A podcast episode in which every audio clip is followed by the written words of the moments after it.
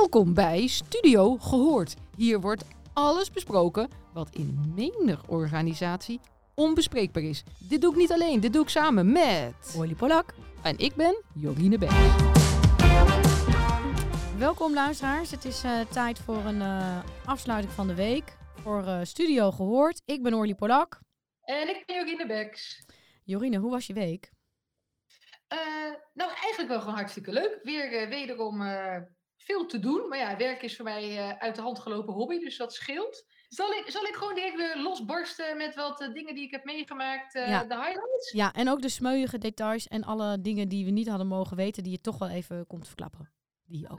Die, die ook. ja, dan krijg je de ja. Nou, ik ga in ieder geval vertellen. Wat me is opgevallen wederom deze week, is wat we eerder hebben gehoord. Is eh, hoe doe je dat nou als je er niet bij bent, terwijl er wel negativiteit is? Meerdere intakes gehad ook, een problematiek van ook echte onveiligheid, maar je bent er niet bij. Dus hoe spreek je aan? Hoe breek je het open, zeg maar? Dus Ja? ja, dat, dat, ja, dat was één. Ehm, die hebben we al eerder gehoord natuurlijk. Ook, weet je, in het team is het oké. maar ja, hoe gaat dat richting het management? Dus horizontaal gaat het lekker, maar verticaal om het wat meer te visualiseren. Ehm, en twee andere die waren nieuw. Daarna ook een nieuw iets qua wat er voorbij kwam nu. Ja. Is de drukte. Als je het nou heel druk hebt in je organisatie. En ehm, iedereen re- race zich rot. Mag jij dan nog aangeven dat jij het te druk hebt? Oftewel heeft iedereen wel recht op zijn of haar eigen paniek, om het zo te noemen. Oh mijn god, het is heel veel. Maar de eerste wil ik al op Ja. ingaan. Als Ja, er nou heel veel dat- negativiteit bent en je bent er niet bij. Maar is Ja. dat dan van horen zeggen? Ik sta bij het koffieapparaat en zeg... Hé, hey, heb jij dat gehoord over Karin? Dat gaat niet helemaal goed daar. Hoe, hoe, hoe gaat dat dan? En ik, ik ken Karin dan dat, niet. Dat, dat hele vieze stemmetje. Dat eh, heb ik niet zo gehoord. Nee, heb ik niet. Maar de teksten die ik heb gehoord, die waren wel vrij ranzig. Oh, oké. Ja, het ging dan dus niet over, eh, de naam Karin werd niet genoemd en ook geen rare rijmpjes daarop. Maar het was wel vrij eh, schunnig. En eh, ja, wat Oh. doe je dan? Weet je, dat, want je hebt het van horen zeggen. Eh, ga je dan iemand aanspreken? Wat heb ik nou gehoord? Heb je dit en dit gezegd? Vanuit het management, hè? Ik had al ja, met een eh, CEO. Dat doe je ook niet. Weet je, ja, dat, dat kan bijna niet. Want wat heb je dan voor voet om op te staan? Dus hoe ga je nou het onbespreekbare, komt die weer, bespreekbaar maken? Ik zei, nou, huren gewoon even studio gehoord in. Nee, alle gekheid op een stok, we hebben het wel over gehad. Van hoe voer je nou, hoe creëer je nou de dialoog over een dusdanig onderwerp op een dusdanige wijze dat die constructief is en dat je een verandering in gang brengt. Want hij gaf ook aan dat het wel een sfeer was die ook wel heerst in een bepaald team, of en ook wel tussen teams. Ja. Ehm, dus, en hij wist ook wel te vertellen dat er een aantal waren die ook al aan hadden gegeven. Had natuurlijk wat via via. En natuurlijk vertrouwenspersoon, die krijgen natuurlijk ook wel te horen. Die dat anders wilden. Ja. En ook iemand die zei, ja, ik zou het wel anders willen. Maar als ik dat aangeef in mijn team. Ja, ze zien me aankomen, dan lig ik eruit. Dus dat kan niet.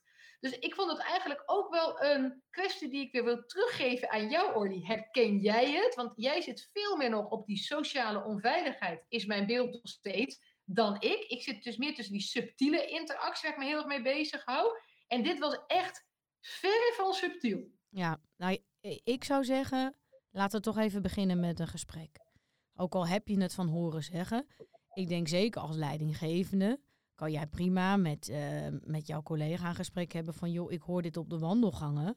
Herken jij dat? Ehm, eh, wil- zullen- kunnen we daar het over hebben? Eh. Zijn er nog andere dingen die spelen? Hoe, hoe werkt dat door?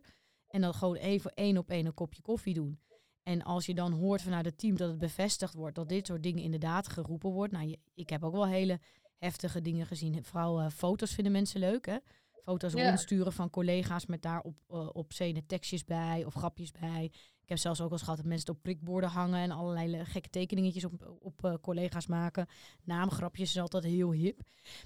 Ja, en op een gegeven moment gaat iemand onderuit. Hè? Dus dan, dan, dan het begint met een grapje. eh. En eh, een grapje wordt structureel. Dus dan zit je al richting toch al een beetje pestgedrag. En dan op een gegeven moment gaat het heel erg knagen aan de persoon die het slachtoffer is. En Ja. eh, die heeft in eerste instantie vaak ook al meegelachen. Hè? Dus, dus het is niet iets wat meteen lik op stuk is. Want vaak als je gewoon lik op stuk geeft, dan, dan stopt dat ook. Hè? Dus iemand wordt Mhm. niet, niet gepest omdat, eh, ehm, omdat eh, eh, niemand het ermee eens is. Mensen knikken allemaal mee. Ja, grappig. Maar op een gegeven moment mondt dat uit en is iemand een soort pispaaltje geworden. Ja.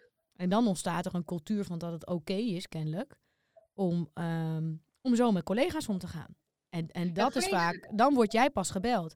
Maar dan speelt het dan een hele lange tijd. Ja. En wat je ook ziet, is dat als je structureel gepest wordt in een bedrijf, of dat nou is eh, met eh, seksuele intimidatie en schunnige grapjes, of het is eh, racistisch. Sinterklaas is altijd een toptijd joh, voor bedrijven.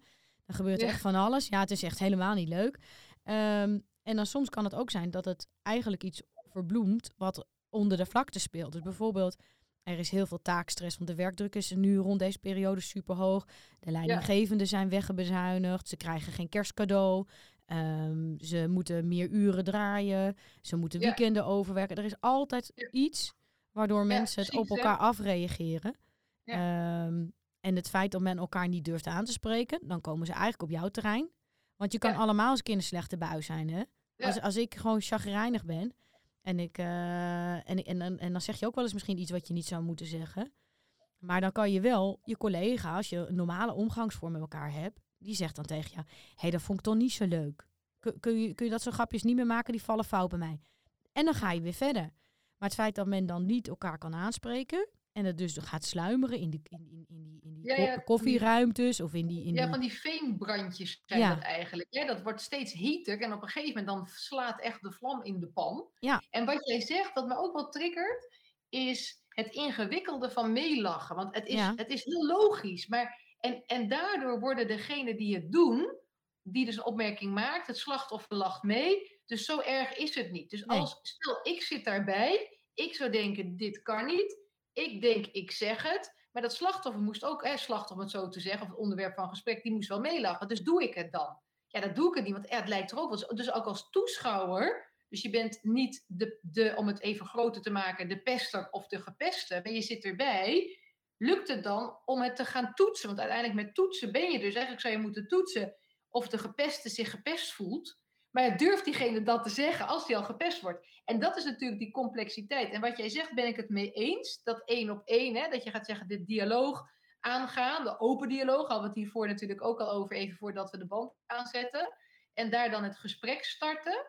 En toch intrigeert het me als het niet één persoon is, als het groter is en als je de kwestie daadwerkelijk ehm, eh, ter, ja, open wil breken. Dat je Ja. echt breder, dus het gaat niet over één persoon, dan heb je het niet meer over een incident, niet Nee. over een bepaalde persoon. Wat jij net zegt, het is één persoon die wordt gepest, maar dan zou je bijna zeggen, het is de, zo werken wij, dit vinden wij normaal, terwijl het niet normaal is. Ja. En ja, dan heb je weer een ander, eh, ander Maar- vraagstuk. Weet je ik. waarom mensen niks zeggen? Weet je waarom mensen meelachen? Ja, het is heel divers natuurlijk waarom ze allemaal meelachen. Nou, ja. een, gro- een grote reden is dat ze bang zijn dat als ze ander gedrag vertonen, dat het erger wordt. ja, erger, buiten de groep vallen, eh, dan nog meer een pispaal worden, het stimuleren. Het is een Ja. beloning voor die ander. Dan wordt hij nog sadistischer of wat voor leuke Ja. termen je kunt verzinnen. Het is het Dus is onverwachte. zorg. Ja, en dat Ja. maakt het wel, wel gek als je zo in een groep zit. Dat het onverwachte, ik weet niet wat mijn reactie nu gaat veroorzaken. Dat zorgt er Ja. heel vaak voor dat of mensen helemaal niks zeggen, of een beetje schaapachtig staan te kijken. Het is inderdaad wel een mooi onderwerp, want wat jij zegt, hè, dat is, volgens mij is dat in het algemeen, je bent bang. En dat kan dus zijn met pesten, dat is een overtreffende trap. Waarom ik Ja. zei, dat zit op een gegeven moment, die voorbeelden die jij ook noemt, zit echt op dat sociale onveiligheid. Ja. Maar als ik kijk naar mijn meer subtiele interpersoonlijke, zit het natuurlijk precies hetzelfde. Want als ik wat zeg, wat als ik het gezegd zou hebben? Die oefening doe ik dan ook. Maar wat als je het wel gezegd zou hebben? Zou je dan inderdaad ontslagen zijn? Zou inderdaad je benen afgehakt zijn? Zou je dit, dat, zus? En uiteindelijk is 99,9 van de 100 keer het geval, nee, eigenlijk niet. En had ik ook een veel beter gevoel over mezelf gehad. Natuurlijk. Ja. Ja. en ik denk het feit dat je die oefening doet en het gewoon met elkaar op tafel legt, eh, lucht ook al een heleboel op, hè? Ja. Ja, want eh, wat ik heb ook wel eens heel veel mensen geïnterviewd die dan in zo'n situatie zitten. Maar ook degene die zeg maar getuigen zijn van, Ja. van het zeg maar eh, het niet nette gedrag, het onwenselijke gedrag. Die gaan ook met een rot gevoel naar huis. Eigenlijk zijn er in, in, in dit soort situaties alleen maar verliezers. Iedereen krijgt er stress van. Eh, iedereen zit er dwars. Iedereen heeft het gevoel, ik kan me niet uit. Ik kan niet zeggen dat ik het niet fijn vind, maar ik kan het ook niet oplossen. Ja, een soort, soort afgrijzelijke padstelling. Waarbij je eigenlijk met een hele ne- negatief gevoel elke keer naar je werk gaat. Ja, en wat ik denk, maar dat weet ik niet hoe jij daarin zit. Ik denk dat uiteindelijk als je die emotie hebt, dus je bent de, de, degene die dus ofwel boos is, of op een bepaalde manier onaardig of verdrietig, maar in de emotie zit, dat is dan degene die wat zegt en de ontvanger, zender en ontvanger, laat ik het algemener noemen in plaats van pester en gepesten.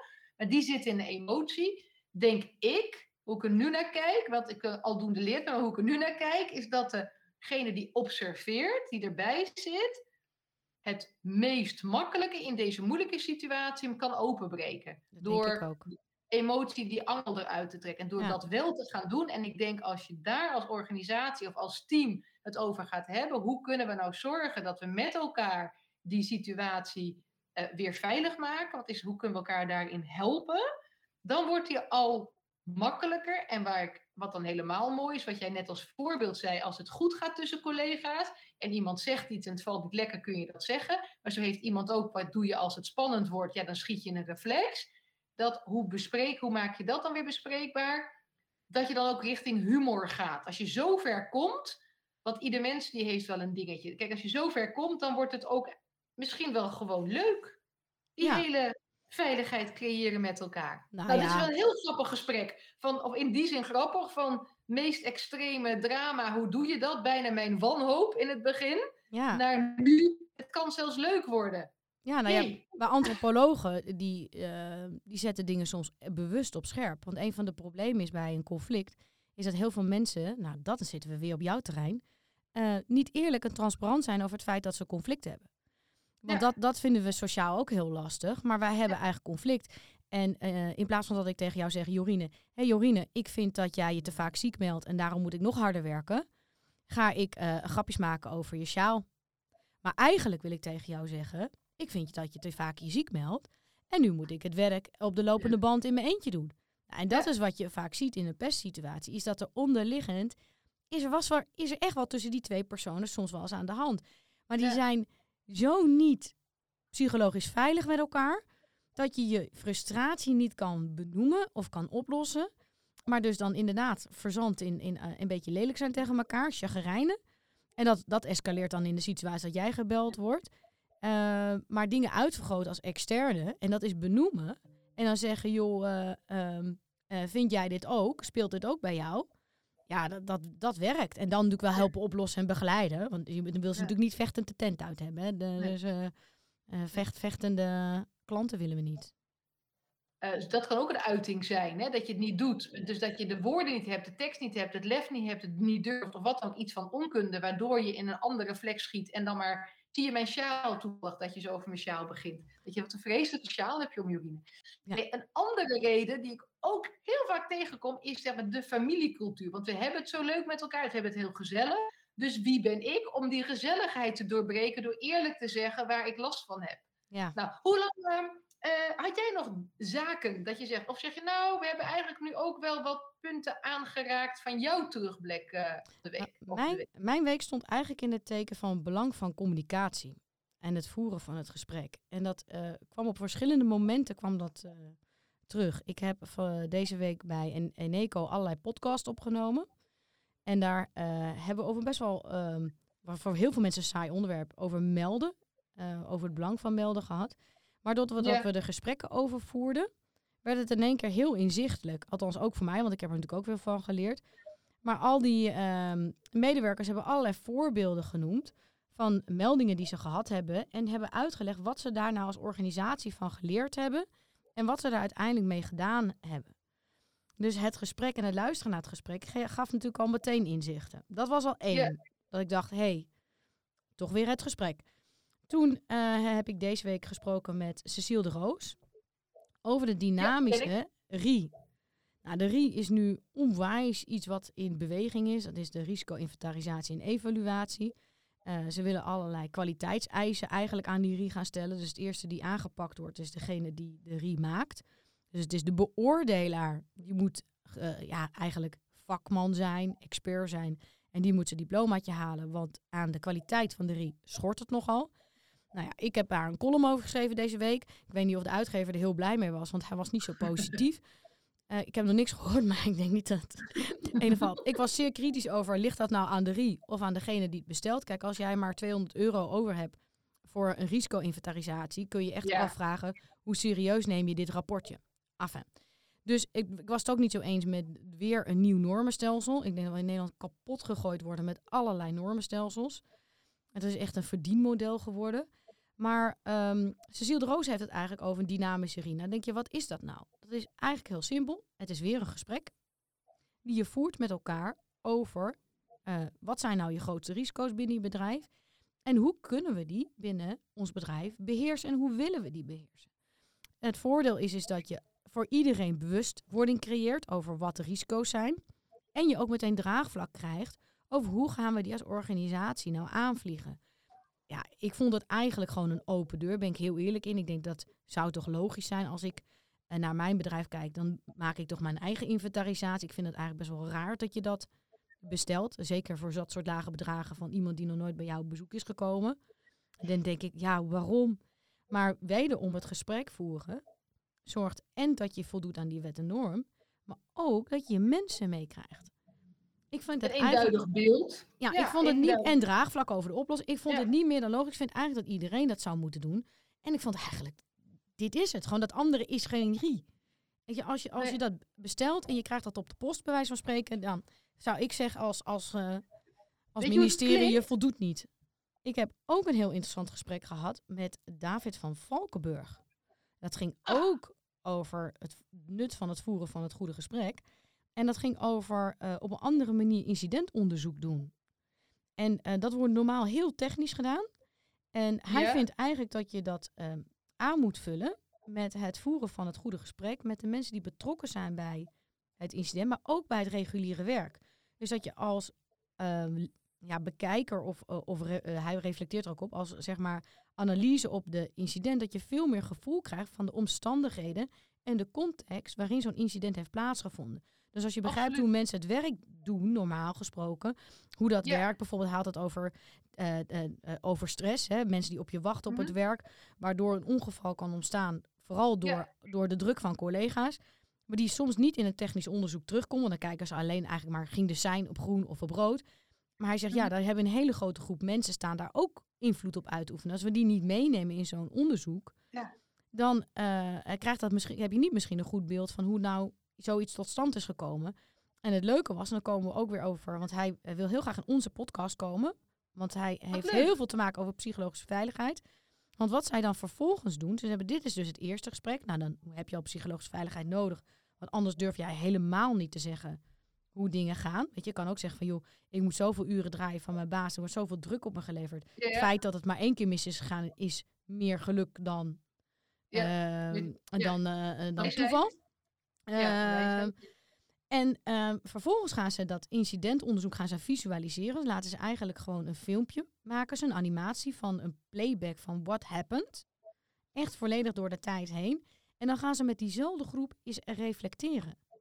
Om nog een keer een verdieping te krijgen op die analyse Mooi. en ervan te leren. En uh, ik vind het heel bijzonder, want je moet echt met je billen bloot als je dit wil doen. Want je moet het misschien ook hebben over, ik zat die dag niet lekker in mijn vel. Ik was super moe en ik was niet alleen die dag super moe. Ik ben eigenlijk altijd super moe, want de werkdruk is te hoog. Maar dan ja. uh, denk ik wel dat je veel meer tot de kern komt over hoe fouten kunnen ontstaan. En uh, je kan ook veel, veel meer inzicht krijgen in, in, in trends, in omstandigheden die wel of niet bijdragen aan een veilige omgeving. En hij zegt hij kan dat alleen maar doen als iedereen bereid is zich open en vrijmoedig te uiten. Hey, dat klinkt heel mooi in mijn, in mijn oren. Precies, dat lijkt, is helemaal in lijn met de drie V's. Wat ik echt ook heel mooi aan vind, is uh, dat uiteindelijk de praktijk bepaalt wat die veiligheid is. Dus niet de instructie puur, niet wat je voor ISO hebt neergezet, maar wat gebeurt er nou dagdagelijks? En dat is uiteindelijk de waarheid. En ook die context erbij. Ik vind het ontzettend. Uh, nou, ik zie er helemaal naar uit om, uh, om hem te ontmoeten in de podcast. Nou, ik zie er helemaal naar uit. Leuk. Dus ik denk dat wij met een lekker gevoeld weekend in gaan. Ja, ik ga Sinterklaas. Uh, ja, ik ga nog een paar pakketje, pakjes bedoel ik inpakken. Heel snel een gedicht eruit persen.